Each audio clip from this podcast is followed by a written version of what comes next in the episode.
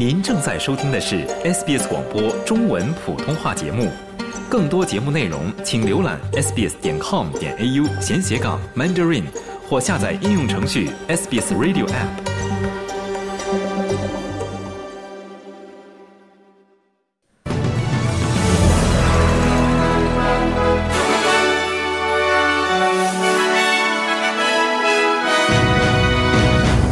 沙城救援物资领取点遇袭，致上百人死亡。悉尼将举行守夜活动，悼念遇害的同性伴侣。俄罗斯总统警告西方国家不要出兵乌克兰。北京获得2027年世界田径锦标赛主办权。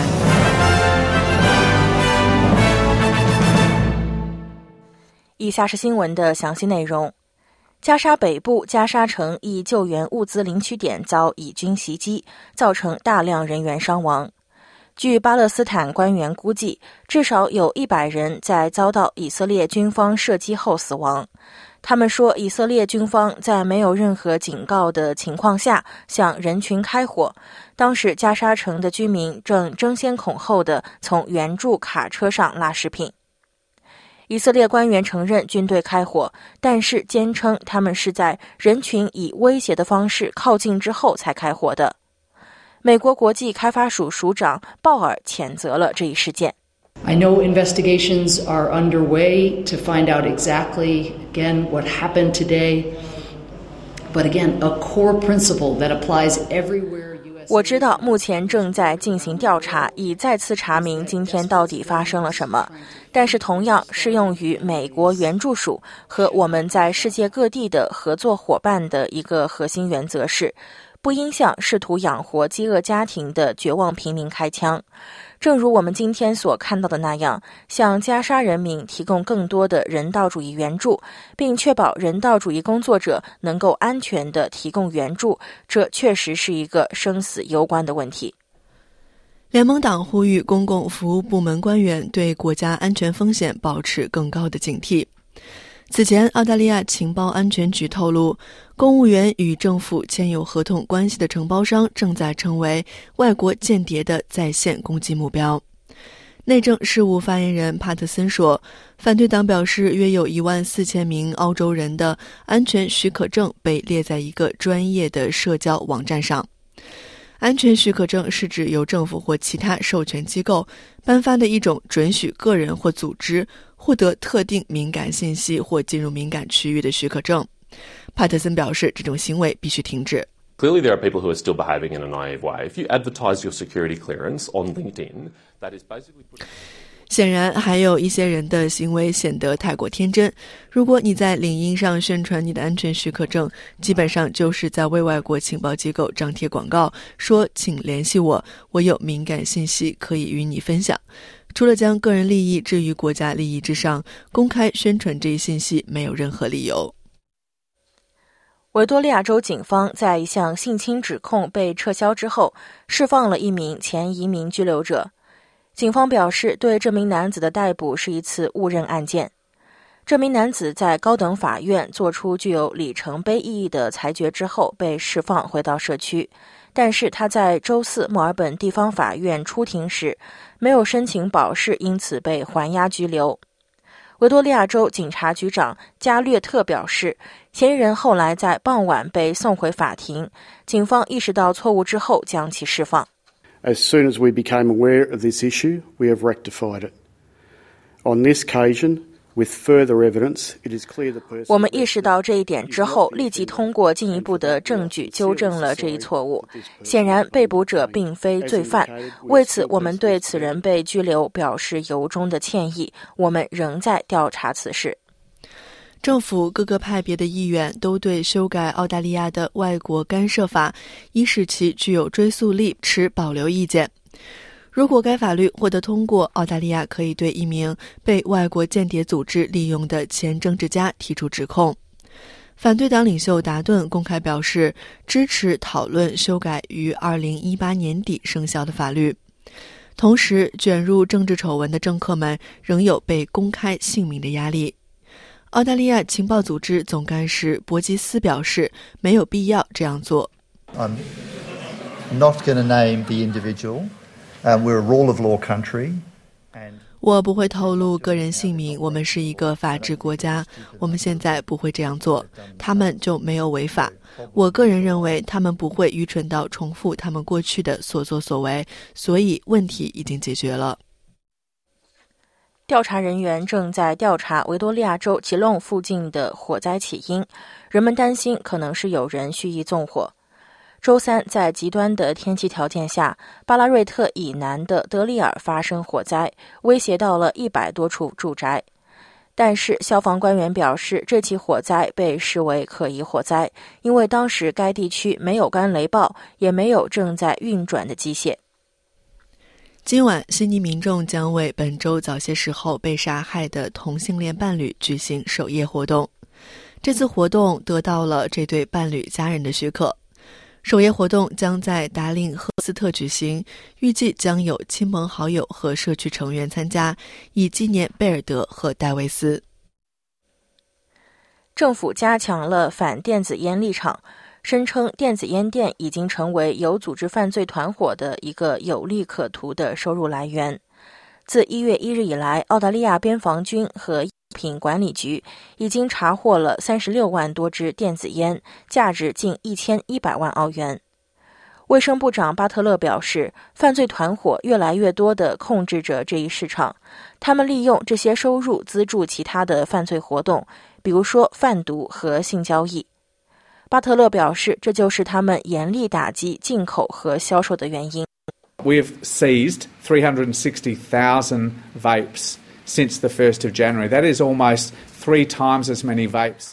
自一月一日以来，我们已经查获了三十六万支电子烟，这几乎是二零二三年整年查获电子烟数量的三倍，所以这已经产生了影响。但是我们还需要取缔所有电子烟的销售和供应，除了那些经过处方认可并且获得药品管理局许可的电子烟。新数据显示，零售业的销售额有所回升，但消费欲望依然疲软。统计局的数据显示，澳大利亚零售商在十二月份销售下滑后，一月份的销售情况有所好转，购物者购买了更多的服装、鞋类和个人饰品。澳大利亚零售商协会首席执行官扎赫拉表示，年度数据显示，在圣诞节后和节礼日销售的第一周，购物者表现出了保守的态度。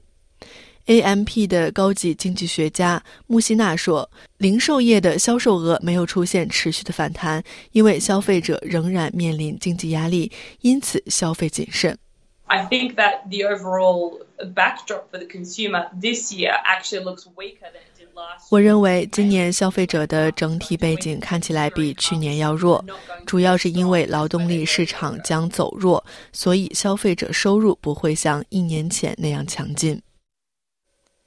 在澳大利亚，约会应用程序是目前最常见的交友方式。但是有新发现表明，动机不纯的用户利用这些应用程序将父母作为打击目标。调查结果显示，八分之一的父母收到过对儿童进行性剥削的请求。摩西是新南威尔士大学技术、法律和创新教授，他说：“家长们应该谨慎行事，不要害怕，根据情况联系相关部门。” If a mother um, on the app is asked, "Oh, do you have a family photo?"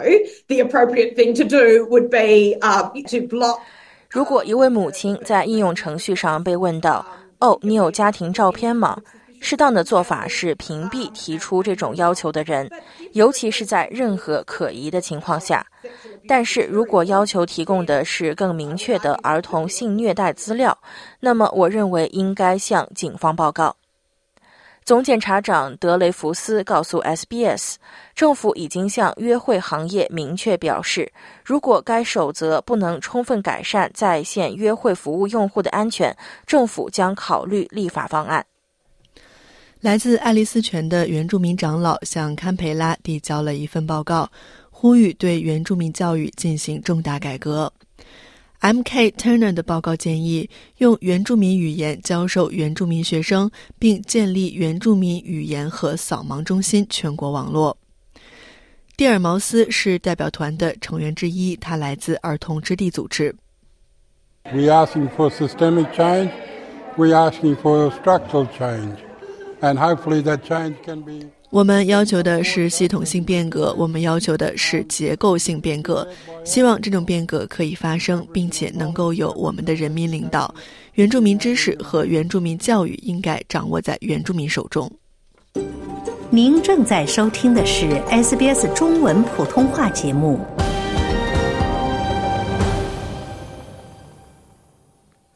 欢迎您继续收听 SBS 新闻报道。接下来，我们来关注一下其他方面的消息。本周早些时候，秘鲁马丘比丘考古遗址附近发生山体滑坡，救援人员后找到了一名失踪男子的遗体。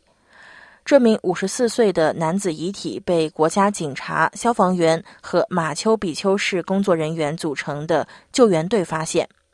目前，有关方面的工作重点是寻找这名男子现年十二岁的孙女。据报道，周日山体滑坡发生时，孙女和他一起失踪。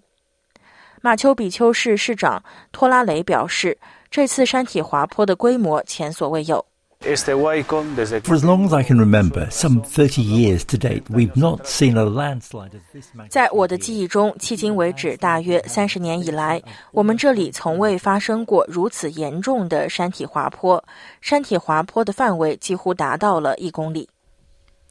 捷克外交部长在印太之行中与堪培拉和悉尼的官员举行了会谈。会谈的主要议题是安全问题，包括一项潜在的武器供应协议，以补充运往乌克兰的武器库存。据悉，目前至少有十五个国家已承诺支持捷克二十亿美元的计划，为乌克兰军队购买非欧洲弹药。捷克外交部长利帕夫斯基告诉 SBS，向乌克兰派遣外国军队是另一个讨论要点，但乌克兰的盟国尚未讨论这一问题。I think this is not the debate which is relevant today. We need. 我认为这不是与今天相关的辩论。我们需要向愿意为自由而战的乌克兰人运送武器弹药。我知道我们必须坚决制止俄罗斯帝国主义。俄罗斯帝国主义正试图破坏国际秩序，破坏国际不会因蛮力而改变的基本原则。俄罗斯总统普京警告西方国家不要出兵乌克兰，称这可能会导致核战争。普京在年度国情咨文中驳斥了俄罗斯打算攻击欧洲的说法，称其是无稽之谈，但是表示俄罗斯确实拥有打击西方目标的武器。普京坚称西方挑起了乌克兰冲突，并继续就俄罗斯意图攻击欧洲的问题撒谎。普京的讲话距俄罗斯总统大选还有两周时间。新当选的巴基斯坦国民议会议员在混乱的场面中宣誓就职。被监禁的前总理伊姆兰汗的盟友抗议他们声称的选举舞弊行为。当预计将组建政府的谢巴兹·谢里夫与他的兄弟纳瓦兹·谢里夫进入议会下议院时，来自伊姆兰汗领导的巴基斯坦人民党议员们一再高呼“偷票者”。当谢巴兹·谢里夫兄弟在宣誓就职后签署登记册时，全场回荡着“谢里夫万岁”的呼喊声。新政府将面临各种挑战，包括激进分子袭击激增和能源短缺以及经济不景气。这将迫使巴基斯坦再次寻求国际货币基金组织的救助。胡塞叛军持续发动袭击，澳大利亚向红海地区派遣额外的国防部队人员，六名澳洲国防人员将被部署到正在打击胡塞叛军的美英军事总部。美国在对与伊朗有关的胡塞叛军进行连续攻击。这些胡塞叛军控制着也门人口最多的地区。他们表示，袭击船只是为了表达与巴勒斯坦的团结。反对以色列袭击加沙。澳大利亚国防部长马尔斯告诉七号频道，这一最新的承诺与此前向巴林联合海上部队派遣的十六名人员分为两批派遣，但是他们同样重要。Both efforts are directed about maintaining freedom of navigation, freedom of shipping in the Red Sea. But clearly, the strikes on 这两项行动的目的都是维护红海的航行自由和航运自由。显然，对胡塞基地的袭击是一种行动的升级，但我们认为这是非常重要的。这也是我们确保支持美国和英国采取这一行动的原因。法国通过了一项法案，妇女的堕胎权利被写入宪法。这次投票推进了法国总统马克龙做出的承诺。法国国民议会在一月份已经以压倒性多数通过了这一提案。这意味着这项措施将提交给议会的联席议会，预计将在下周以三分之二的多数票通过。法国司法部长莫蒂斯表示，这次投票具有历史意义。Nous serons le premier pays au monde à inscrire dans la Constitution. We will be the first country in the world. 我们将成为世界上第一个在宪法中确立妇女对自己身体的控制自由的国家。这次投票向那些不知道的人士重申，我们国家的妇女是自由的。这次投票再次强调我们对这种自由的坚定执着。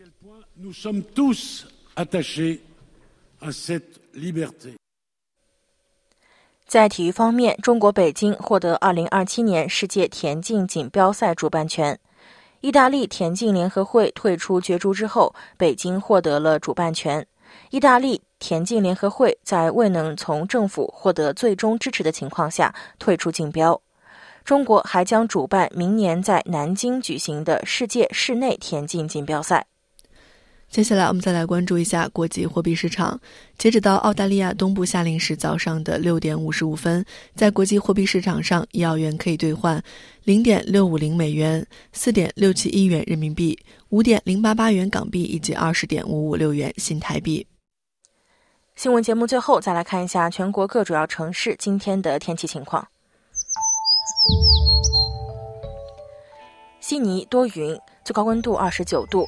墨尔本多云，最高温度二十五度；布里斯班以晴为主，最高温度三十二度；堪培拉多云，最高温度三十三度；阿德莱德以晴为主，最高温度二十八度；珀斯晴，最高温度三十四度；达尔文有阵雨并有暴雨，最高温度三十二度；霍巴特多云，最高温度二十四度。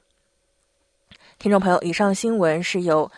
林墨为您编译，林墨和雨夜为您共同播报的，感谢您的收听。听众朋友们，在广告之后呢，我们要为您带来的是本期的园艺热线的节目。那么，在上两期的园艺热线节目之中呢，我们请到园艺高手张崇岩老师呢，为大家介绍了高效、低毒、环保的杀虫剂，也就是天然的除虫菊酯。那么，本期的园艺热线呢，张崇岩老师呢，要介绍一种人工合成的杀虫剂——拟除虫菊酯。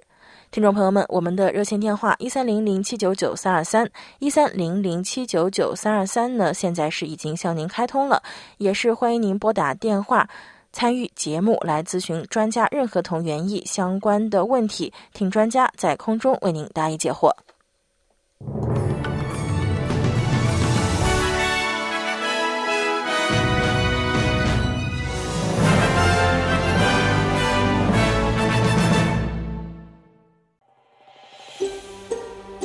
想听到更多这样的故事吗？您可以通过苹果播客、谷歌播客、Spotify，或者您喜爱的方式下载收听。